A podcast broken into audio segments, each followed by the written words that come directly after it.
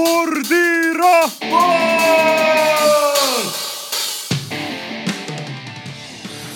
tervist, kallid Põltsamaa raadiokuulajad, spordirahvas alustab. mina olen saatejuht Marko Susi ja minuga stuudios on mees, kes jalgpallihuviliste seas pikka tutvustust ei vaja. Aivar Anniste, tervist. tere päevast. võib-olla osa meie kuulajatest ei tea, et üldse sul Põltsamaa juured on, tunnevad rohkem teid spordisaavutuste järgi, et äkki sa räägid lähemalt oma sidemetest Põltsamaaga? no mina olen sündinud, sündinud ja kasvanud Põltsamaal Äh, kuigi mu vanemad ei ole Põltsamaalt pärit, aga nad kolisid just aasta enne minu sündi siia Põltsamaale, isa suunati tööle, ema tuli järele. vend on ka mul kaks aastat vanem, tema sündis küll Paide sünnitusmajas. Väikses Kabala külas nad elasid, kust mu isa pärit on, aga seitsmekümne üheksandal aastal koliti Põltsamaale ja kaheksakümnenda aasta alguses mina siis sündisin. kasvasin üles, käisin lasteaias, koolis ja hiljem jalgpalli tõttu või abil liikusin siit edasi. okei okay,, see on hea kuulda. ma mäletan teie ema koolist kehalise kasvatuse õpetajana, et kui suur mõju teie sportlaseks sirgumisel oli sellel, et teil ema oli spordiga seotud? no väga suur osa ja sa võid mind sinatada, Jürgen. ja, ja. et äh, kindlasti oli suur osa see, et ta oli kehalise kasvatuse õpetaja, kuigi ta oli tüdrukute õpetaja siis ka juba, kui ma lasteaias veel käisin, siis vahel ta võttis mind tundidesse kaasa. ja ma mäletan, kuidas mul väga meeldis seal võistelda nende väikeste tüdrukutega, võidu kaugust hüpata ja joosta ja. Ja lisaks kõige suurem tõuge pigem oli see, et, et nii ema kui isa mängisid äh, rajooni tasemel võrkpalli. ja tihti oli neil nädalavahetuseti võistlusi ja meie siis vennaga väiksena olime alati saalis kaasas sest ega meid ei olnud ju kuskile jätta. ja see, see andis kõige suurema tõuke kindlasti, et elu seal, ütleme kogu selles spordikeskkonnas. ma lugesin ka seda, et mängisid eh, enne jalgpalli, võrkpalli, et kuidas tuli see lüke üldse, et jalgpalli peale üle minna? see tuli täitsa juhuslikult, et eh, võrkpallitrennis käisin, läksin vist, kui ma ei eksi, seitsmeaastaselt ja äh, ma vist olin kõige noorem seal, ma tean igatahes mu vend käis, kes on minust kaks aastat vanem ja veel mõned tema sõbrad ja, ja Maarjo Polusk, kes korvpall, korvpalliga hiljem nagu hiilgas, tema oli minust aasta vanem. tema oli veel meie grupis, ma oma vanuseid väga palju ei mäleta. Paar poissi kindlasti olid, aga ühel päeval tuli kooli seinale tuli kuulutus või siis teade, et oodatakse selle vanuse poisse jalgpallitrenni ja kuna me õues olime toksinud ja tegelikult nagu mäng iseenesest meeldis, siis nagu terve klassi poisid läksid okay.. meie olime B-klass ja ka kogu A-klassi poisid läksid. ma mäletan esimest trenni, pandi A-klass ja B-klass omavahel mängima. Ja B-klass küttis sellise sauna, et A-klassi poisse järgmine trenn enam praktiliselt ükstegi ei tulnud. kes su, kes su esimene treener oli? no Silvar Luht ikka ah,, okay, kes okay. siiamaani siin toimetab. et äh, ju ta siis ma täpselt seda lugu ei tea, aga ta, kas ta lõpetas kooli või igatahes ta tuli tagasi Põltsamaale ja ta ise oli väga suur jalgpallifänn ja ta tahtis jalgpallitrenni hakata tegema ja see oli täielik juhus, et just meie vanus oli. Sest ma olen hiljem rääkinud oma venna ja mõnede tema sõpradega, et nemad oleks ka tahtnud tegelikult jalgpalli hakata mängima, aga nad olid juba vanemad ja neil seda varianti põhimõtteliselt ei olnud Mm. sest enne seda Põltsamaal jalgpallitreeninguid ei toimunud mm.. ja täiesti juhuslikult, ma olin siis üheteistaastane, hakkasin, hakkasin trennis käima. ja õige pea ma sain ikka aru, et, et, et see, see, see on see, mida ma teha tahan. et umbes pool aastat ma käisin niimoodi, et ma käisin mõlemas trennis. Aga varsti pühendusin ainult jalgpallile. okei okay ja kuidas sa jalgpallis tundsid, et eh, kas sa olid kohe nagu üks eh, säravamaid poisse trennis või pidid tööd tegema, et eh, kõrgemale tõusta? no ma olin kindlasti kohe üks parimaid kindlasti. et aga see, see nagu ei takistanud mind nagu tööd tegemast ja tööd tegema õpetas või pingutama õpetas mind tegelikult üks raamat. lugesin läbi, kodust riiulist leidsin Pele eluloo raamatu ja seal, seal oli väga hästi lahti kirjutatud ja kirjeldatud seda, kuidas, kuidas tema kunagi vaeva nägi ja kui palju vaeva nägi. isegi kui ta oli juba seal maailma tipus, et kui palju, et mida tähendab olla nagu profijalgpallur ja kui palju selleks tuleb vaeva näha. siis see mind innustas tegema igapäevaselt lisaks ka nendele jalgpallitreeningutele kogu aeg lisatööd. äkki sa mäletad, et kuidas näiteks kolmeteistaastane Aivar oma päeva sisustas, et peale kooli, et kas oligi ainult jalgpall ja jalgpall või tegid muid asju ka? üldiselt mul päevakava oli või harjumused olid niimoodi tehtud, et ma, kui vähegi võimalik, ma peale kooli kohe tegin oma koolitükid ära, õppisin ära, siis sellega oli ühel pool. ja praktiliselt ülejäänud päev läks ikkagi jalgpalli peale. Õnneks siis oli vähem segajaid kui tänapäeval. televiisoris oli mingi mõni üksik kanal, sealt väga midagi ei tulnud ja ega väga ei olnud ka harjumust ega huvi ka seda televiisorit vaadata.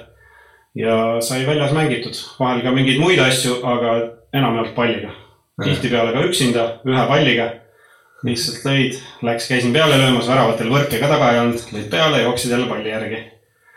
kolmeteistaastaselt juba tegin ka teadlikumalt, et ma käisin väga palju ka jooksmas ja siis, siis tegelikult ma käisin ka juba, vähemalt osa, osa aastast käisin Tartu Tammeka juures treenimas ja nende eest ka turniiridel. okei okay., päris hea, nii noorelt juba. jah, tänu Silvar, Silvarile, kes nägi, et, et üsna, üsna ruttu, et ilmselt, et see Põltsamaa jääb natuke kitsaks mu jaoks. et, et öö, otsis lahendusi, et olid variandid Viljandi või Tartu. aga Tartu treener oli nõus öö, minu, ütleme, need bussisõidud kinni maksma. sest ma käisin ju liinibussiga, käisin seal Tartus trennis. ja maksti vähemalt need bussisõidud kinni. Et siis sai Tartu valikuks ja nii ma seal kaks-kolm aastat võib-olla isegi käisin niimoodi. okei okay ja siis eh, peale põhikooli läksid Tartusse või? ei läinud, oli mm. niimoodi, et eh, põhikool sai läbi, astusin gümnaasiumisse Põltsamaal mm., kümnendasse klassi. ja samal sügisel toimus eh, U viisteist koondise valikturniir Rumeenias. Ja mind kutsuti ka sinna koondisesse, käisin kaasas ja seal oli Tallinna treener, kes siis kutsus mind pärast seda, kutsus Tallinnasse spordigümnaasiumisse ehk siis, mis vanasti Vene ajal oli TSIK oli selle kooli nimi, siis, siis ta oli Eesti Spordigümnaasium ehk siis riiklikult rahastatud spordikool. nüüd praegusel ajal on Audentese kool seal, mis on küll erakool, aga ka seal mingil määral spordiga tegeletakse. et selline võimalus tekkis ja mul ei olnud nagu vaja kaks korda mõelda. et, et läksin, läksin kohe kümnenda klassi peale esimest veerandit läksin sinna ja asusin seal õppima ja trennis käima Ähm, mis sa ise arvad äh, või tunned, et äh, kes su nagu suurimad äh, eeskujud, noh, kes nagu treeneritest kõige, kõige tähtsamad sinu karjääris olid? kõige tähtsam on ikkagi Silvar kindlasti. üks asi see, et ta nagu üldse aitas jalgpalli juurde, õpetas need esimesed põhitõed, aga teiseks ka tema, tema see entusiasm ja, ja tahe ja eeskuju, sest ta, ta tihti nagu näitas ise ette ja mängis ise kaasa. et just noores eas see on ülioluline, et sul on keegi selline nii-öelda mentor mm. -hmm. sest et äh, ta on nagu teise, teise isa eest selles mõttes, et, et kui, kui sa lähed trenni, siis ta on ikkagi väga suur eeskuju. Et ja ta, tema, tema persoon ja olemus nagu töötasid minu puhul igatahes väga hästi, et mind innustas, ma tahtsin iga päev trenni minna okei okay,, see on päris hea. jah, ja hiljem on olnud äh, veel treenereid. Teitur Tordarson, islandlane, tema oli kindlasti suur mõjutaja, kui ma olin kaheksateist, üheksateist aastane. et tema tuli Eesti jalgpallis, õpetas natukene siis ütleme, muutis selle süstemaatilisemaks ja euroopapärasemaks, et enne, enne oli piltlikult öeldes oli meil kaos väljakul. tema pani meid paika ja õpetas, et kuidas me peaksime nagu väljakul liikuma meeskonnana. et varem oli pigem sihuke noh, harrastajate punt jooksis väljakul ringi. aga okay. tema lõi struktuuri, et see oli väga-väga oluline. okei okay., lugesin internetist, et kui sa olid umbes kuue või seitsme aastane, et siis üks Põltsamaa sporditegelane õpetas seda, et jalgpalli söödetakse siseküljega, et kes see oli? las ma, ma ei mäleta seda nime enam. see võis Villu olla? ei olnud Villu. Okay. Villu, Villu oli hiljem, tuli, tuli hiljem me, minu ellu nii-öelda. et ta ei ole minu treener olnud, sest ta oli Lustiveres treener, aga me väga tihti Lustiverega mängisime ja siis tema oli alati olemas väljaku kõrval, et uh -huh. Tema mind otseselt õpetanud ei ole mm,. mul kahjuks ei tule, ma, ma pean, ema, ema kindlasti oskab selle nime mul, mul ei, mul ei tule praegu see nimi meelde okay., aga see oli Põltsamaa jõe mängu seal, me käisime poistega vaatamas jalgpalli ja, ja siis seal vanemad mehed mängisid ja siis uh -huh. meile nagu huvilistena siis selline väike õppetund anti. okei okay., hea asi, mis meelde jääb. no aga no jalgpall on teatavasti globaalselt number üks spordiala ja Eestis on pigem ka nagu populaarsuse poolest esikohal, et mis sa arvad, mis oli sinu jaoks just see faktor, mis aitas sul tõusta tippu, mis sind eristas teistest? no üks asi on, ütleme, see geneetika ja, ja mis sulle looduse poolt kaasa antakse mm. -hmm. aga ainult sellega ei purjeta kaugele, et ikkagi raske töö ja ütleme selle rutiini talumine ehk siis tippsport on kõige raskem asi ongi see igapäevane töö ehk siis rutiini talumine, see on väga rutiinne. iga päev minna trenni, tihti teha asju, mis sulle on hetkel vastumeelsed, aga lihtsalt seda teha, kannatada ja ennast ületada iga päev praktiliselt. et see on see, mis nagu hakkab inimesi teistest eristama. ja eriti meil siin Eestis, kus meil esiteks kliima ei soosi jalgpalli mängimist väga sest peaaegu pool aastast on niimoodi, et sa ei saa heades tingimustes õues mängida. Ja sisehalle meil veel piisavalt ei ole, siis seda enam tuleb vaeva näha, sest kui me hakkame võrdlema ennast kasvõi näiteks Hispaania, Itaalia noortega, kellel on, saavad aasta läbi õues vutti taguda ja lisaks on neil ka see kultuur, et neil õues alati käib see toksimine. siis see, see on ülioluline, et ka noored, kes praegu käivad trennis ja arvavad, et nad ainult, ainult selle jalgpallitrenniga kuskile Eestist jõuavad, siis see ei ole reaalne. sa pead, pead võtma selle palli ja minema tegema neid puuteid, et saada, saada see tehnika ja asjad korda. sest seda enam vanemas eas ei, ei ole võimalik teha. hiljuti nägin ühte klippi, kus Arsen Wenger vist main-, rääkis seda, et põhiline tehn-, tehnika õppimine käib vanuses seitse kuni neliteist, et kui sul neljateistaastaselt ei ole tehnika hea siis võid ära unustada, sinust ei saa mitte kunagi jalgpalli. ma mäletan äh, sugulasega äh, talvel isegi, noh, me Playstationit ka mängisime palju Fifat ja asju. aga talvel miinuskraadidega käisime talvesaabastega jalgat tagumas ja siis üritasime teha mingi äh, tõrjeid järgi ja mingi üritasime ristnurka tabada, see oli suht sihuke põnev. ma arvan, et praegusel hetkel enam nii palju seda ei tehta, et ongi. vist kahjuks küll jah, et nagu ma enne mainisin, et meie ajal, kui mina noor veel olin, oli õnneks neid segajaid nii vähe, et, et kõik lapsed praktiliselt päevad läbi mängisid õues ka talvel. Mm. -hmm. tegime seal oma suusaradasid, ehitasime, siis suusatasime, tegime suusavõistlusi, et kogu aeg käis väljas, et vanemad pigem, pigem pidid meid taga ajama, et tuleks korraks tuppa söömagi. Yeah.. et ei olnud seda ist, istuvat, istuvat nagu ütleme harjumust. Yeah.. aga jah, ka meie talvel väga palju, ka lume peal mängisime. Ja siis vahel ütleme saalis, kui õnnestus mingi saaliaeg saada, siis, siis mängisime saalis puidu peal nii-öelda seda futsali. mängisid karjääri jooksul poolkaitses, et eh, kas kohe olid poolkaitsematerjal või algselt oli teine positsioon? pigem ma olin kohe ikkagi keskväljamootor okay. ja mängujuht, et äh, olen karjääri jooksul hiljem mänginud ka keskkaitses üsna palju ja episoodiliselt isegi tipuründes ja ka ääreründas isegi koondise eest uh. -huh. Aga pigem on, ütleme ikkagi see keskpoolkaitse koht on minu, minu koht olnud kogu aeg. kui sa tänapäeva jalgpallist peaksid ennast võrdlema mingi mängijaga, siis kes see oleks? hea küsimus.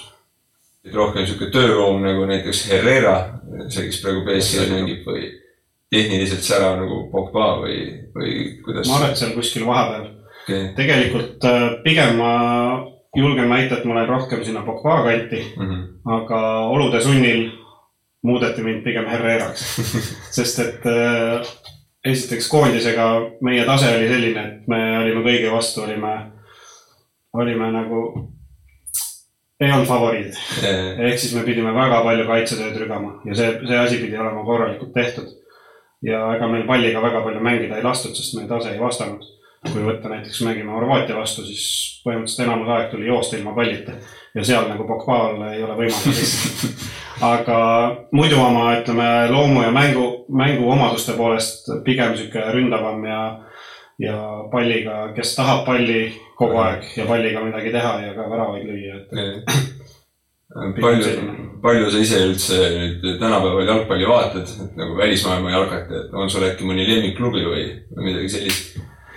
Päris lemmikut ei ole, mul siin aegade jooksul on vahetunud need lemmikud, aga need on sõltunud pigem ütleme sellest ajutisest mängupildistust, sest mulle meeldib vaadata ilusat jalgpalli, kus, kus just palliga mängitakse väga, väga kaunit jalgpalli. ehk siis mingi aeg Barcelona oli uh -huh. ja mingi vahe isegi Arsenal, kui seal mängisid veel Fabregas ja Van Persie ja Adebayor, et siis nad mängisid tõesti ilusat vutti uh. -huh.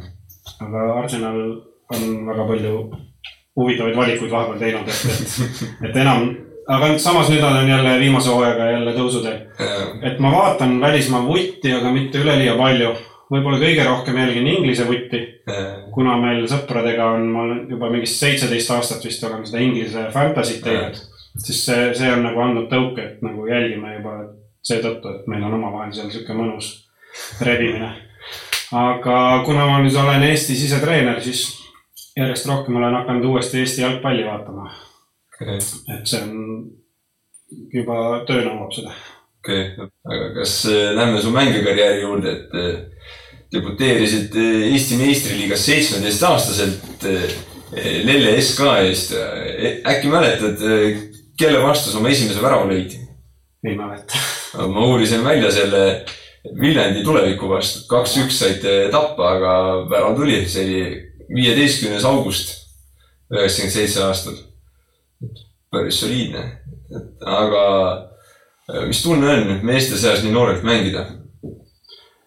no tegelikult meestes ma hakkasin ju veel nooremana mängima, et ma mhm. mängisin esiliigas, kui ma läksin Tallinnasse viieteistaastaselt, siis ma juba hakkasin järgmine hooaeg kindlasti kuueteistaastaselt kindlalt ma mängisin juba esiliigas Tallinna jalgpallikooli võistkonna eest.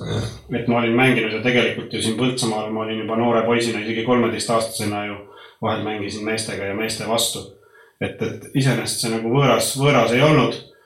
ja kuidagi mul läks üsna sujuvalt see, see üleminek, et ei olnud nagu üldse mingit hirmu või kartust just selle kontakti või selle tempo mm et see tempo on erinev, selle, selle üle ei olnud, et, et läks väga sujuvalt see üleminek. okei okay., aga kuidas tol ajal üldse esiliiga ja siis meistriliiga? siis oli süsteem veel, me mängisime ju sügis-kevad hooaega ehk siis hooaeg algas sügisel, oli talvepaus ja kevadel mängiti edasi ja siis suve algus, suvel lõppes hooaeg. nagu ka mujal Euroopas praegu mängitakse, mängitakse küll talv läbi, aga meil jäi talvel lihtsalt paus sisse.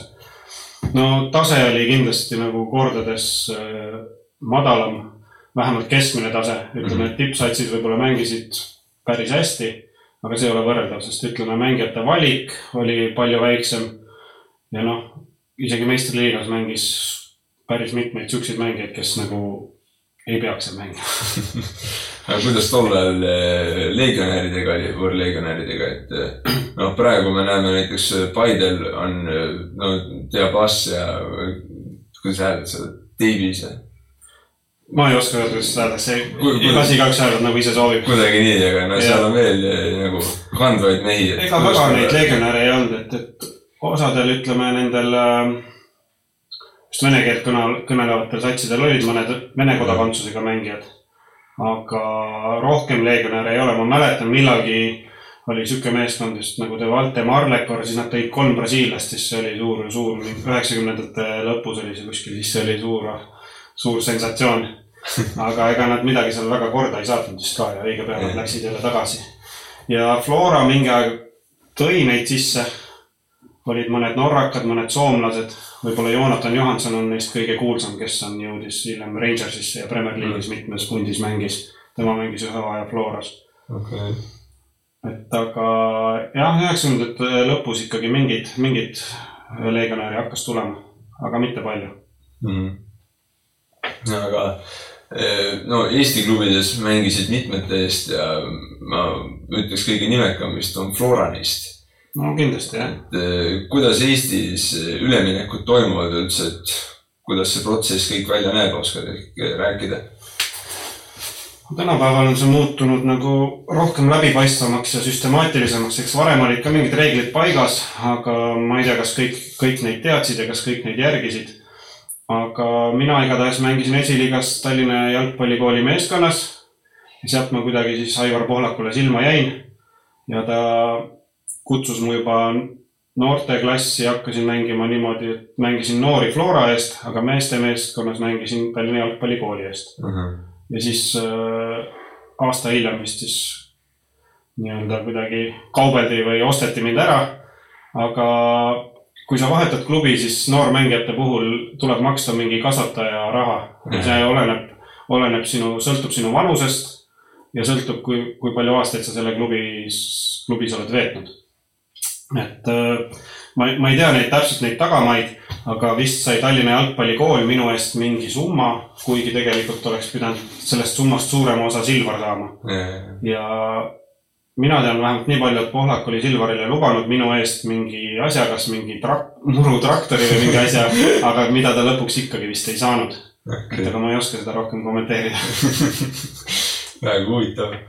Aga no uurisin internetti ja leidsin, et kahe tuhande neljandal aastal läksid välismaale mängima Norrasse Ullensaker Kiisa IL klubisse, et kuidas see teoks sai? see sai teoks niimoodi, et äh, seal oli treeneriks seesama Teitur Tordarson, keda ma enne mainisin.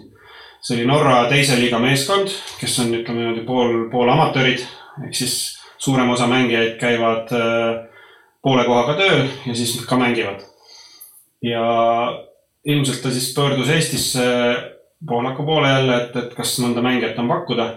kuna mina olin siin Eestis niimoodi nagu ripakile jäänud, olin, olin küll Flora süsteemis, Floraga oli mul leping, aga mind oli Viljandi tulevikus laenule saadetud, siis ta mind pakkus ja, ja Teitur oli huvitatud ja nii ma sinna sattusingi okay ja käisin samu, samuti käisin ise poole kohaga tööl, olin golfiväljakul, olin greenkeeper ehk siis väljaku hooldaja okay., kes tegeles erinevate niit, erinevate niitmiste ja väljaku korrashoiuga. see kõlab päris huvitavalt. aga et käisid veel kahes välisklubis. Ma ei oska neid nüüd hääldada, see on. Hönefoss. jah, Hönefoss ja Enköping SK, et kuidas need kaks satsi olid? Ei, nad olid tugevad satsid, selles mõttes nad olid esiliiga tipus mõlemad. Norras meil jäi natukene puudu, et kõrgliigasse tõusta mm. -hmm. ja Rootsis äh, hooaja alguses olime ka täitsa tipus, siis hooaja teine pool vajus, vajus nagu ära jäime sinna tabeli keskele kuskile. Aga ei, tase, tase oli hea ja just ütleme, see keskmine tase oli ühtlasem, kui võrrelda Eesti meistriliigaga et äh, väga palju häid mängijaid on Skandinaavias ka selliseid, kes ei tahagi olla profimängijaid, kes mängivad oma lõbuks.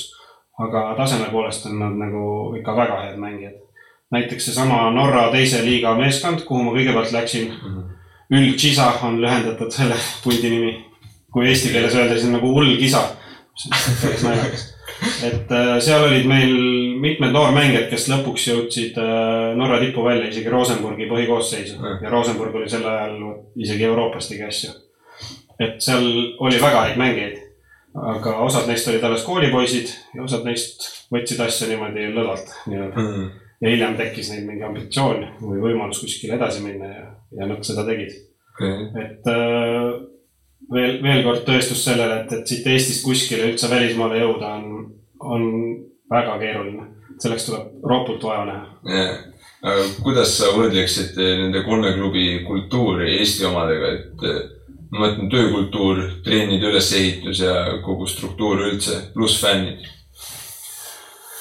no fänne võib-olla on natuke rohkem, kuna ütleme, see jalgpallikultuur on seal pikemalt olnud ja veidi arenenud, aga mitte oluliselt rohkem esiliiga tasandil, et ähm,. treeningkultuur, kui ma nüüd võrdlen Flora ja Eesti koondisega mm, -hmm. siis äh, isegi ütleme, siin oli struktuur rohkem paigas ja läbimõeldum ja kõrgema kvaliteediga tehti treeninguid ja rohkem pöörati tähelepanu taktikale äh,. aga see on ka arusaadav, kui see on juba tegu rahvuskoondisega ja siin on nagu valitud treenerid, et seal on, seal oli teistmoodi aga mis seal jäi silma, mis Eestis veel ei ole välja arenenud, on ütleme oma kogukonna osalus siis klubi juures.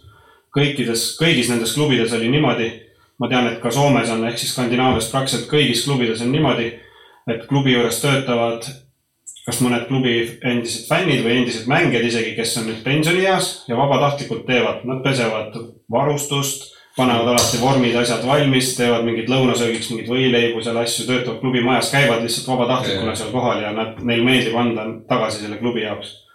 ja täiesti nagu niisama, okei okay,, võib-olla on rohkem heaoluühiskond ka, aga see on seal noh, kõigi, kõigi klubide juures on see väga levinud okei. ja, ja see tekitab siukse mõnusa tunde, et sa lähed alati, sul on omad mingid vanad mängijad seal kohal, kes on juba siuksed vanad ätid, tulevad, löövad patsu ja kiidavad viimase mängu eest ja samas teevad sulle võileiba ja see on, see on väga äge kultuur. see kõlab päris huvitavalt jah, meil Eestis võiks ka ehk olla sedasi. võiks, aga ma usun, et pikapeale sinnapoole liigub, et Mhm. järjest rohkem on, on neid inimesi, kes on kunagi jalgpalli mänginud või jalgpallitrennis käinud, kes, kes nagu seda mängu armastavad ja hiljem vanemas eas on nõus ka tagasi andma. Käisid Norras ja Rootsis, nagu mainitud sai, et kas oli veel pakkumisi kuskilt ja kui oli, siis miks, miks ei läinud? käisin, kui ma esimest korda tulin tagasi Norrast, siis ma mängisin ühe aasta Tartu Tammekas, kaks tuhat viis oli see. ja hooaja keskel käisin Valgevene kõrgliigast proovimas ja teise koha meeskond oli. ja no mind, nad mind väga tahtsid, aga ma ise nii-öelda põgenesin sealt ära, sest see oli hirmus pommiauk. see, see, sa ei kujuta ette. no mind viidi seal mingi kõige, kõige sihuke stagnaaegsem mingi vana buss ja mingisse vanasse viiekümnenda aasta mingi ühiselamusse, kus oli mingi kolmekesi magasime enam-vähem ühes voodis ja no see, see oli õudne. ja see palk ei olnud ka nii mi- midagi erilist, ta oli rohkem küll kui Eestis, aga, aga no selle nimel minna sinna kuskile Valgevenesse, siis minu jaoks ei olnud, ei olnud see nagu väga ahvatlev. ja siis lõpuks veel muidugi tuli mingi direktor, vanem härra kohale ja hakkas mind sõimama, ütles, et, et ei huvita, et sa ei taha. kui sa oled juba siia tulnud, sa pead jääma. ja lõpuks ma võtsin oma koti selga ja läksin bussijaama, sõitsin bussiga minema lihtsalt. kuigi tase oli seal väga hea, et äh, võib-olla isegi kõige, kõige kõvem tase kui need Norra ja Rootsi esiliigad. Aga lihtsalt see oli mulle vastumeelne ja ma, ma ei taha midagi sihukest teha. et see, see pikas perspektiivis kindlasti midagi head ei too, kui sa hakkad vastumeelseid asju tegema. kas seal oli võõrmängijad olid nagu kõik siis sedasi kuskil mingi ühikas ja magasid ühes toas voodis? ja, ja mina ja üks grusiinlasest väravavaht oli ja, ja mõned olid veel seal ja Pedodi ja see oligi, sellel ajal oligi see nende jaoks normaalne. Alles viimasel õhtul viidi mind Minski ühte korterisse, öeldi, et siin hakkad elama ja see oli väga okei okay,, viisakas. aga minu jaoks oli kõik juba rikutud, ma olin kümme päeva seal enne, enne veetnud, et ma ütlesin, mulle aitab. aga eh, kuidas eh, võõrmängijana välismaal olla oli, et okei okay,, rääkisid Valgevenest, seal oli katastroofiline, aga kuidas eh, Norras ja Rootsis suhtuti sinusse kui võõrmängijasse? üldiselt sõbralikult, aga nüüd aus olla, siis äh, Norra jäi kuidagi võõraks ja kaugeks, et rohkem ma suhtlesin seal legionäridega, seal olid meil kaks soomlast, üks Nigeeria kutt, üks, üks vend elevandiluurannikult ja pigem nagu suhtlesime meie omavahel. norrakatega me saime ka läbi normaalselt, aga kui oli mingi pidu või asi, siis pigem nemad ikkagi olid omaette kuskil ja või mingi koosistumine. et äh, Rootsis võeti rohkem omaks ja tunti nagu Eestit rohkem ja seal oli kuidagi see ühiskond lähedasem Eestile ja, ja sõbralikum. okei okay.. aga no selle klubi sektsiooni lõpuks eh, küsin, et eh, mis kõige suurem klubialane saavutus sul jalgpallurina oli no eks ta ikkagi Floraga Eesti meistriks tulemine on ilmselt, uh? -huh. mingit suuremat saavutust ei ole küll jah, klubina, klubiga. okei okay., aga noh, kuna me oleme raadios, siis kuulame natukene muusikat ja Aivar, ütle nüüd sina, et mis on su lemmiklaul, mida kuulame? oh kurja, mul on väga palju, väga palju muusikat, mis meeldib, kui ma nüüd pean kohe valima ühe. pane Lee Fields, I still got it. kuulame.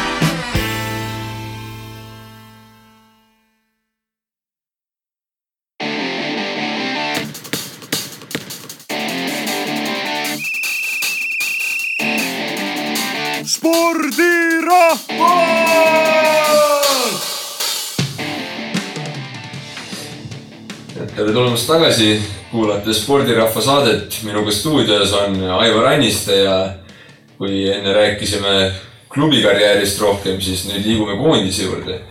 alustuseks kohe, et eh, oled A-koondises nelikümmend viis korda platsil käinud, mis on põhimõtteliselt poolsada juba. et eh, millal said esimese A-koondise kutse ja millised emotsioonid teid valdasid? see oli ka üheksakümne seitsmenda aasta lõpus, siis kui ma olin seitsmeteistaastane veel, kutsuti koondisega kaasa Aasia turneele, kus siis oli meil sõprusmäng Filipiinidega, kus ma ka oma debüüdi tegin, mängu lõpus sain platsile. ja siis oli turniir Vietnamis, kus olid küll mitteametlikud mängud, aga me mängisime koondisega. ehk siis seal ma sain juba kõigis mängudes mängida. ja no loomulikult ma olin üliõnnelik, et minu jaoks oli ju suurim unistus nagu jalgpallis teha samme edasi, edasi, edasi ja, ja ma, ma ei unistanud ainult äh, mingist Florast või Eesti koondisest, ma unistasin ikka nagu pereraamatust lugesin maailma parimaks saada ja ma uskusin sellesse päris pikalt. et minu jaoks oli see nagu meeliülendav koondisega kaasa minna.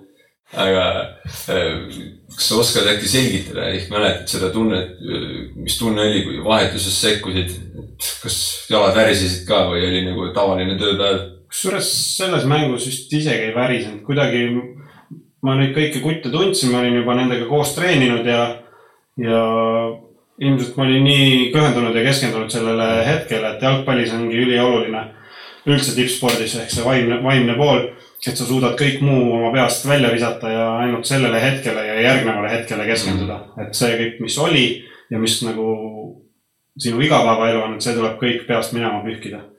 Et ainult nii on võimalik nagu asja kvaliteetselt teha. Aga rääkides vaimsest poolest, siis no tänapäeval on see hästi suureks teemaks nii tippspordis kui ka mujal, et kuidas sina vaimset poolt ette valmistasid üldse mängudeks ja, ja kuidas, kas sa treenisid seda või see oli lihtsalt loomulik? ega sel ajal meil keegi sellele nagu tähelepanu ei pööranud ja keegi väga ei aidanud. lihtsalt ta taanduski selle peale, et, et kui palju treener sinuga suhtles ja kui palju ta nagu sind julgustas või siis, või siis mõni ähvardas, mõni sõimas.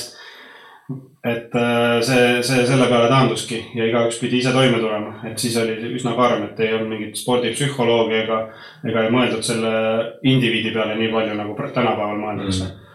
et, et see oli üsna karm ja eks mul endal on ka olnud, on paremaid ja halvemaid aegu olnud, et aga, aga mingit väga erilist ettevalmistust mul ei olnud, et pigem eelmine õhtu proovisin peast kõik minema visata, sest muidu ei tule und. et ma voodisse minnes ei tohi hakata mõtlema, siis, siis vaatad lage poole, et, et see, see uni on ülioluline. et see tuli saada korda ja teine asi, mängueelselt lihtsalt proovisin mõelda oma tugevustele, et, et mida ma teen ja oma eelnevatele mingitele eksimustele, vigadele, et, et neid mitte korrata, et, et kui ja noh, vahel oli, proovisin meeles pidada see, et mängu alguses on vaja hästi sisse saada, et kas mängida lihtsamini või siis just alguses agressiivselt seal kellelegi näiteks korralikult keha panna, et siis tuleb kohe sihuke hea adrenaliin sisse ja, ja saad hea hooga minema. Et igalühel tekivad omad, omad mingid nipid, aga mul mingeid väga suuri rituaale ei olnud või mingeid sokke, mida ma terve elu oleks kandnud, et siuk-, siukseid asju mul ei olnud. või mingit ebausku, ebausk mul pigem on, ajab mind nagu naerma ja ma meelega teen vahel siukseid asju, mis mõne inimese jaoks tundub, et, et ei tohi teha. aga no ma arvan, et väga palju noori poisse üldse üle maailma eh, unistavad sellest, mida te olete teinud, ehk siis eh, oma rahvuskoondisest väravat lüüa, et eh, kolm väravat oled löönud, et eh, mis tunne oli esimest lüüa?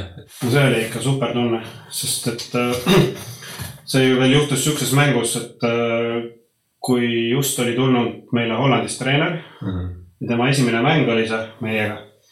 mängisime Kuressaares Kõrgõzstani vastu. okei okay,, see on sõpruskohtumine ja vastane ei ole just nagu maailma tipptasemel. aga enam-vähem võrdsed vastased me olime ja õnnestus võiduvärav lüüa ja samas mängus õnnestus veel ka vastase nurgalöögi all joone pealt ära klaarida ehk siis kaitsta värav ära. et see oli, see oli nagu võimas tunne. ja noore, noore poisina ka veel, et ma olin üheksateist või kakskümmend, ma ei mäleta, palju ma olin, kuskil sealkandis. et siis oli võimas tunne küll jah. aga kui nüüd aus olla, et, et, et see värava löömine ei ole olnud nagu mingi kõigi kõige suurem ja võimsam tunne, et, et pigem ikkagi seal kuskil, kui me Portugalis Benfica staadionil näiteks mängisime, kaheksakümmend tuhat sul seal teevad korralikult häält, vot see on niisugune tunne, et, et võtad, võtad nagu kananaha, kananaha ihule. aga mis, mis oli sul nagu kõige sihuke eh, emotsionaalsem hetk, kui võib siis öelda äkki eh, jalgpalluri karjääri jooksul, et kui rääg, räägid siin praegu sellest Benfica staadionist, et kas oli äkki mõni veel, kus oligi selline, et kananahk peal ja nagu sihuke eufooria tunne äkki tekkis? no see on võib-olla kõige, kõige ehtsam ja parem näide. et mida vanemaks sain, seda nagu harjus, harjusin ka ära nende, ütleme ja sain küpsemaks ka inimesena, et, et enam ei, ei seganud see nii palju öelda. et, et ta, ta küll nagu laeb hea adrenaliini, aga ta võib saada ka segavaks, et kui see on liialt nagu see ülevoolav tunne on sul peal ja sa, kaob see keskendumine ära. et vanemas, vanemas eas juba suutsin sihukestest asjadest üle olla ja, ja ei olnud vahet, kelle vastu mängin ja olin oluliselt julgem ja, ja kesk-, pühendunum, no mitte pühendunum, vaid keskendunum just. Et see oli lihtsam. et kindlasti oli eriline hetk oli ka Wembley staadionil käisime, ma küll ei, lõpuks ei mahtunud koosseisu, aga Inglismaaga esimene mäng uuel Wembley'l olin ma meeskonnas, lihtsalt kolm mängijat ei mahtunud pingile, olime tribüünil, mina, Pareiko ja Konsa, kui ma ei eksi. okei, et seal, seal käimine oli äge ja, ka seal oli mingi üle kaheksakümne tuhande inimese, et see oli, see oli võimas. kas see mäng lõppes kolm-null Inglismaa kasuks ja siis ma isegi vaatasin telekas seda. head mälestused. aga koduse jalgpalliga vähem kursis inimene võib-olla ei tea, et sa oled Tallinna Kalevi peatreener üldse, et ja olid koondise abitreener ka. Nagu ku, kuidas sa treeneri töö juurde jõudsid üldse, et kas oli kohe plaan, et peale jalgpalluri karjääri liikuda edasi sinna treeneripingile või? ka kindlat plaani ei olnud, aga, aga samas see kuidagi kõik on loomulikult tulnud, et äh, kui ma lapsest saati on see nagu asi, mida ma kõige rohkem armastan ja, ja milles ma olen hea olnud ja millesse ma olen nii palju pühendunud ja energiat pannud, siis on nagu loogiline, et ma sellega jätkan ja mida ma kõige paremini oskan ja kus ma, kus ma tahan olla. siis selles, selles valguses on see loogiline. et kui ma tulin Eestisse tagasi Rootsist, siis TVMK-s mängides läksin treenerikursustele, tegin esimese selle taseme ära seal, ise mängijana veel olles. ja siis mõneks ajaks jäi see soiku. ja, ja sattusin hoopis äh, ütleme kohviku äri, ärisse mõneks ajaks läbi ju, erinevate juhuste. aga, aga eks see on olnud ilmselt tulemas nii või naa see, et, et minust ikkagi treener saab, sest et äh, mulle pakub tohutult rõõmu, kui ma saan mingitele noortele anda edasi oma kogemusi ja näha, et, et, et see aitab neid. et see on minu jaoks nagu me megatunne aga kes on su treenerialased eeskujud, et ma eeldan, et noorena oli Pele jalgpalli eeskuju. et kes sul, no kes on nagu need lemmiktreenerid, keda sa jälgid ja kelle mängupilti sa tahad ka enda võistkonna juures kasutada? Äh, mul ei ole jälle kindlat lemmikut, sellepärast et äh, noh, kõige rumalam, mis saab teha, minu, minu hinnangul on see, et sa hakkad kedagi täpselt kop- kopeerima, sest see, me ei ole samas olukorras, ma ei saa kopeerida Guardiolat, kuna me oleme Eestis, meil on nii palju asju, mis lihtsalt ei, ei ole samal tasemel. alates äh, väljakutest, taustajõududest, mängijate tasemest, nii edasi, nii edasi. et äh, igalt, igalt ühelt on midagi õppida ja pigem ma vaatan nagu, proovin nagu üldist pilti panna ja kohandada seda, mis nagu tundub kõige õigem ja mõistlikum nagu antud olukorras teha. okei okay., aga ma ise pole nii palju Eesti liiget vaadanud. aga äkki saad paari sõnaga rääkida, milline on Tallinna Kalevi mängupilt üldse? mis, mis stiil teil on? Äh, meie eesmärk on Tallinna Kalevi klubina, me tahame olla nii-öelda kasvatajaklubi ehk mm -hmm. siis me tahame, et meil oleks väga tasemel noortetöö ja et noortel oleks äh, perspektiiv ja tahe jõuda esindusmeeskonda ja esindusme-, et ka esindusmeeskond mängiks atraktiivset jalgpalli, kus meie noored siis tahaksid olla. et, et, et ei ole sada protsenti tulemusele keskendunud. kuigi meistriliigas olles mängib see väga olulist rolli, et meistriliigasse püsima jääda. aga meie mängupilt on pigem, me proovime ikkagi palliga mängida ja, ja julgelt mängida. teatud vastaste vastu ei ole see mõistlik ja, ja hooaja alguse poole me saime päris palju karistada ka oma eksimustest.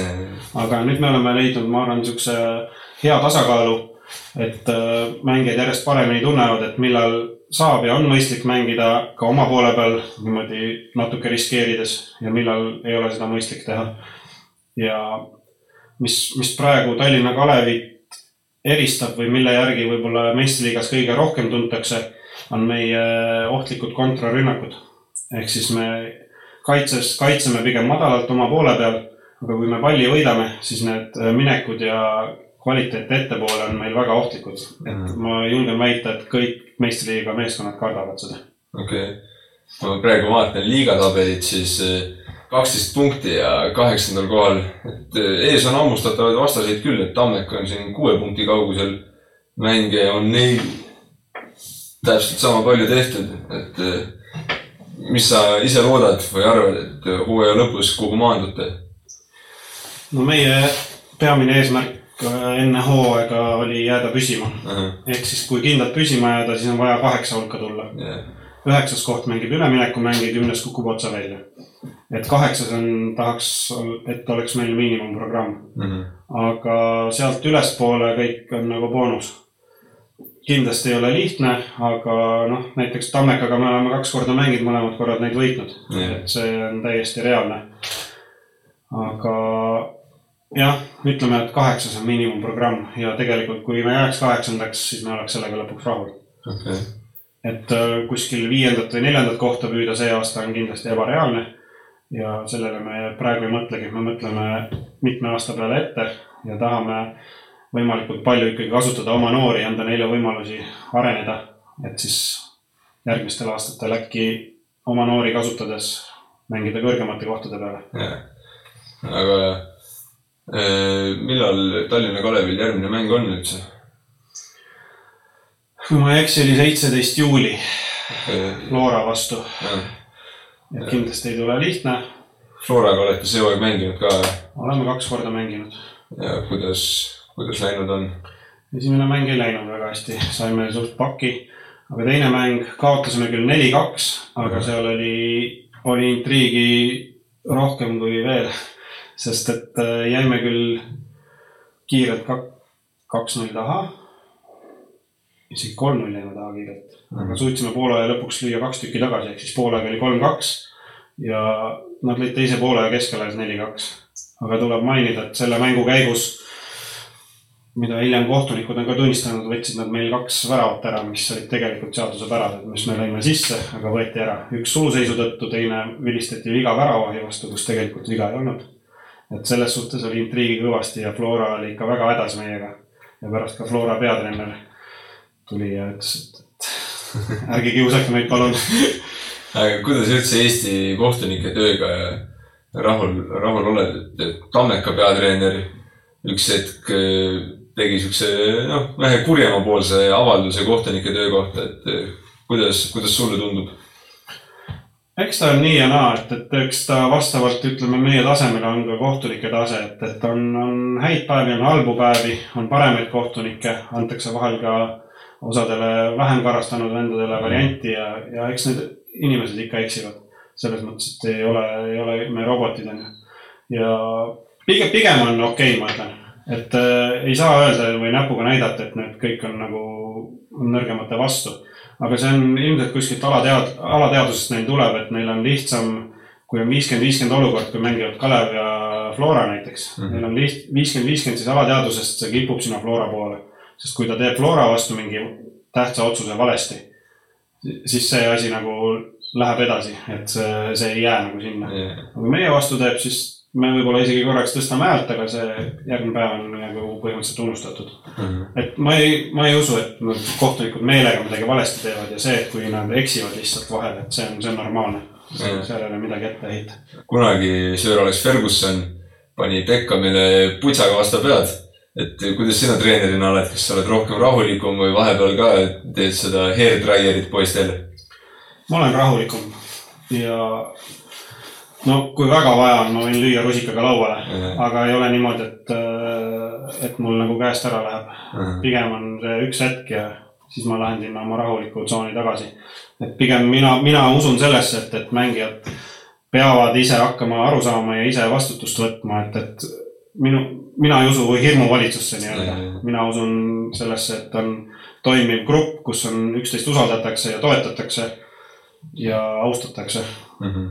Millised su sihid treenerina on, kas eh, rohkem Tallinna Kaleviga püsima, noh, jääd sinna või aastate pärast võiks ka välismaal olla, et kuskil kõrgemas liigas? kui aus olla, mul mingeid väga suuri ambitsioone hetkel ei ole ja ma ei ole mõelnud, et ma nüüd kindlasti mingit endale plaani seada, et nüüd need, need, need sammud ja siis ma tahan kuskil kõrges liigas olla. minu jaoks on nagu terve elu kõik need asjad kuidagi nagu sujuvalt tulnud ja loomulikku rada pidi käinud. Et minu suurim ambitsioon treenerina praegu on ikkagi aidata noormängijaid igal võimalikul viisil ja see pakub mulle palju rohkem rahuldust kui, kui isegi mõne mängu võitmine okei okay.. aga olid koondise abitreener ka, et kas on eesmärki koondise peatreeneriks ka kunagi pürgida? kuigi ütlesid, et eesmärki ei ole, aga, aga kui võimalus tuleb, kas ütled jah? tänasel päeval ei ütleks, aga mingite aastate pärast ütleks jah. okei okay.. Aga sa, täna, tänapäeval, esiteks ma olen veel nii noor ja minu jaoks tundub see ebanormaalne või ebaloogiline, kui ma olen seal i- veel osade vendadega koos mänginud. Et see, see on teistsugune, teistsugune suhe meil nendega, et, et, et peatreener seal olla. pigem ma ei pea seda õigeks. Mhm. abitreener on okei okay,, aga peatreener küll mitte. aga praegu Eesti koondise mänge vaadates, et kuidas tasemega rahul oled, siis kui Toomas Häberli tuli, siis eh, mängupilt läks kuidagi päris lustakaks ja Balti, Balti karikas võeti ka ära, aga nüüd eh, no San Marino ja Malta vastu oli natukene sihuke kesisem mängupilt, et kuidas sa rahul oled sellega? ei no alati tahaks, et läheks paremini, aga no ma olen realist ja ma tean natuke seda siseelu ja üldse, mis, mis toimub, et, et minu jaoks on see lihtsalt reaalsus. Et äh, kõigil on jälle samamoodi tõusud-mõõnad, samamoodi on koondisel ja mängijatel nagu grupina tervikuna. treenerid vahetuvad ja pigem see on reaalne tase Mhm. sellest, pigem on kahju sellest, et praegu Eesti on, on, ongi kehva, kehva, kehva võitu Euroopa kohta. aga ega siin muu ei aita, ega see jonnimine ja vingumine ja treenerite vallandamine ja sõimamine ei aita mitte midagi. Kõik peab hakkama pihta noortetööst ja ainult nii saab Eesti jalgpall minna paremaks.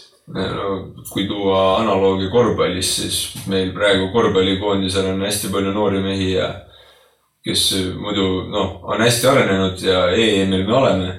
aga nüüd MM-i valikmängud Saksamaa vastu ja Iisraeli vastu, eile oli Iisraeli mäng, siis oli ka kuidagi, siis kui EM valikturniir oli, siis oli palju kuidagi särtsakam ja mehed tegid, no tegid ikka nagu, näha oli, et motivatsioon oli kõrge ja entusiastlikult no aga nüüd ei ongi, müts, müts maha korvpallikoondise ees Jaa. ja nende noorte kuttide ees. aga reaalne tase tulebki välja niimoodi ikkagi pika aja peale. see, et sa suudad emo- emotsiooni pealt vahepeal mõned mängud võita, see ei näita su reaalset taset. Nad on väga tublid ja, aga lõpuks, kui Saksamaa, Iisrael, noh, korvpalliriikidena Eesti ei ole võrreldav nendega Jaa. kui aus olla. et heal päeval võib juhtuda imesid, onju, aga selline on lihtsalt olukord ja see peab samm-sammult kogu see asi minema paremaks, mitte ainult mõne üksiku noore talendi pealt, vaid see keskmine tase peab järjest-järjest tõusma, ainult nii saab nagu ütleme, riik tervikuna ja ka koondis saada paremaks. jah, seda küll jah. aga lõpetuseks siis, et eh, mida soovitate noorele jalkapoisile, kes tahab oma karjääris jõuda vähemalt sama kaugele või kaugemale, kui sina jõudsid? no esiteks on kindlasti noortel juba see eelis, et mina hakkasin jalgpalli mängima alles üheteistaastaselt enamus hakkavad viie või seitsmeaastaselt Mhm. juba. et sa saad sealt juba nooremana nii palju lisa, lisapuuteid ja tehnikat juba nooremana peale hakata. ja väidetavalt kiirus üldse areneb kõige paremini seitsme kuni üheteist aastaselt. et, et äh, selles suhtes on teil juba edumaa minu ees, noored mängijad. aga nagu ma ennist mainisin, et siit Eestist esiteks on väga raske välja jõuda juba sellepärast, et meie kliima on selline ja meie taristu, jalgpallitaristu ei ole piisavalt hea. Kui tuua näiteks äh, Islandi edu, siis äh, seal mingi hetk riiklikul tasandil tehti otsus, et tehti nii palju jalgpallihalle, kuna seal ka kliima ei toeta, et kõik, kõik noored said igal oma vabal hetkel minna tasuta, vabalt minna halli mängima ja see tegi ja lisaks treenereid hariti süstemaatiliselt, et see tänu sellele tegi Island meeletu hüppe jalgpallis mingil hetkel. Aga Eestis, Eestis veel nii suurt hüpet ei ole tehtud. et äh, siis läheb see samm-sammult, aga noored on, noortel on kõige tähtsam käia stabiilselt trennis, hoida kooli asjad kindlasti korras, sest muidu hakkab varem või hiljem see kool segama. et kui sul koolis ei ole hinded korras, see on lisastress, siis ei pruugi õpetajad sind trenni lubada, vanemad ei lase trenni ja pigem hoida need asjad kohe alguses korras. Et see on ülioluline. luua endale mingi kindel päevaplaan, kui, kui muud moodi ei toimi. mõni saab oma peas suudab kõik asjad ilusti panna paika, mõned peavad päevikut pidama, kirja panema, et see, see on oluline. et, et selle igapäevase rutiiniga saada hakkama ja kõik need tegevused päeva sisse ära mahutada ja loomulikult lisaks äh, juba väiksest peale hakata põhimõtteliselt pall, pall kaisus. et siis iga oma vaba hetk olla palliga. kui siin kasvõi Maradona või kõik, kõik suurmängijad, kes kunagi on rääkinud, kui palju nad nagu väiksest peale, Maradona läks mingi kas tennisepalliga žonglöörides kogu aeg bussi peale, kui ta kooli läks ja iga oma vaba hetk Pele samamoodi, ainult palliga. et need puuted tuleb täis saada, sest muidu, muidu su tehnika ja puude, sa ei jõua tipptasemele mingi valemiga. kui praegu noored, kes käivad kolm või neli korda nädalas, arvavad, et sellega jõuab, sellega ei jõua isegi Eesti tippu. sest neid, kes äh, on motiveeritud, ka siin Eestis on neid noori ikkagi palju, kes on motiveeritud ja proovige igal vabal hetkel minna väljakule. kasvõi õues muruplatsi peal. ideaalne, kui mõne sõbraga leiad, on koos on lihtsam. ja tuleb, tuleb lihtsalt teha. ma toon näite näiteks, kui Ronaldinho, läbi aegade üks parimaid mängijaid kui tema oli juba täiesti tipus, ta oli tippvormis Barcelonas, temal oli si sinnamaani ikkagi harjumus, et lisaks kõigile jalgpallitrennidele tegi tema iga päev tuhat puudet palliga. ja see, see võis olla koduaias palja jalu, sihuke lustides nagu ta oli, sihuke lõbus vend, aga ta tegi iga päev tuhat puudet lisaks. et see annab meeletu eelise, et kui mängus sulle pall tuleb, et sa, pall on sul sõber, mitte et sa pead vaeva nägema, et ja lootma, et ta sinust väga kaugele ei põrka. Ronaldinho puhul oli väga hästi näha, et pall oli ikka. Nad olid väga suured sõbrad ja et need näited on ka tennisemaailmas, kes maailm täitsa tippu jõuavad, isegi, isegi nagu tippriikides, tipptingimustega, ikkagi need vennad näevad metsikult vaeva mm.. ja loota või eeldada, et me siit oma talendi pealt mingi kolm trenni nädalas jõuame maailma tippu, siis nii see kindlasti ei ole. jah, ja minu jaoks näiteks, kui ma käisin veel äh, võrkpallitrennis, siis ükskord meie treener ei saanud tulla ja saadeti üks korvpallitreener. ja mängisime trennis hoopis korvpalli. ja ma olin teistest küll noorem, aga ma jäin sellele treenerile silma. ja tema tuli, ütles mulle siukse, siukse soovituse. et äh, ma nägin, et sul nagu on mingid head liigutused olemas, aga noh, et, et mina, ma, ma su treener ei ole, et, et aga kui sa tahad nagu heaks mängijaks saada, tema pidas silmas korvpalli kusjuures mm. ütles, et äh, vaata telekast, kuidas need, siis oli Kalev oli, oli kõva. liidu, liidu mm. -hmm. meistriks tulid vist isegi. vaata korvpallist, kuidas ne, nemad teevad ja proovi ise järgi teha. ja see oli nagu väga hea nõuanne, sest kui mina noorena, kui ma hakkasin jalgpalli mängima, siis oli eurospordi pealt sihuke saade nagu Eurogoals, kus näidati Euroopa liigade kõik, kõik väravad praktiliselt ära või tähtsamate mängude väravad kus Zidane seal lõi üle pea kääre ja nii edasi. ja siis ma sealt vaatasin ja läksin õue ja proovisin neid asju järgi teha. et ka see, ka sihuke väike asi võib sind aidata. aga kõige lõpetuseks siis eh, nimeta oma unistuste viiene punt siis, kellega sa oled koos mänginud või vastu mänginud, no platsi jaganud.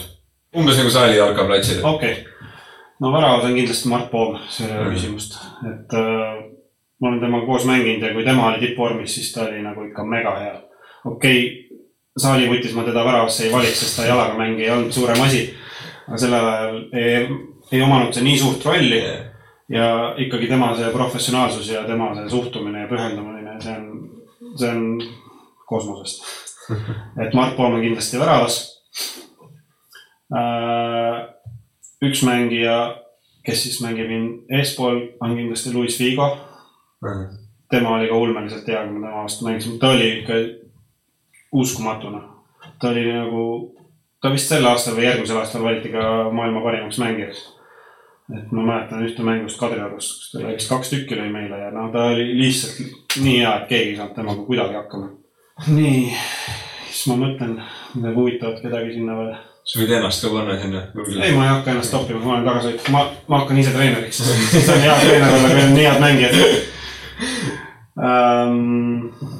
mõtlen, kahjuks ei ole mänginud, tahaks äh, Ronaldo panna sinna, mitte Cristiano Ronaldo, vaid selle teise, aga temaga vastu kahjuks ei ole mänginud.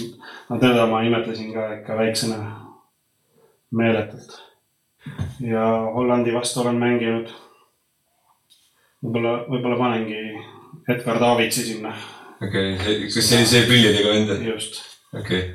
et ta oli sihuke universaalne mängija, kes oli nii kaitses kui rünnakul väga hea ja jagas sööta ja ise küll palju väravaid ei löönud, aga, aga noh, ta oli ikka masin.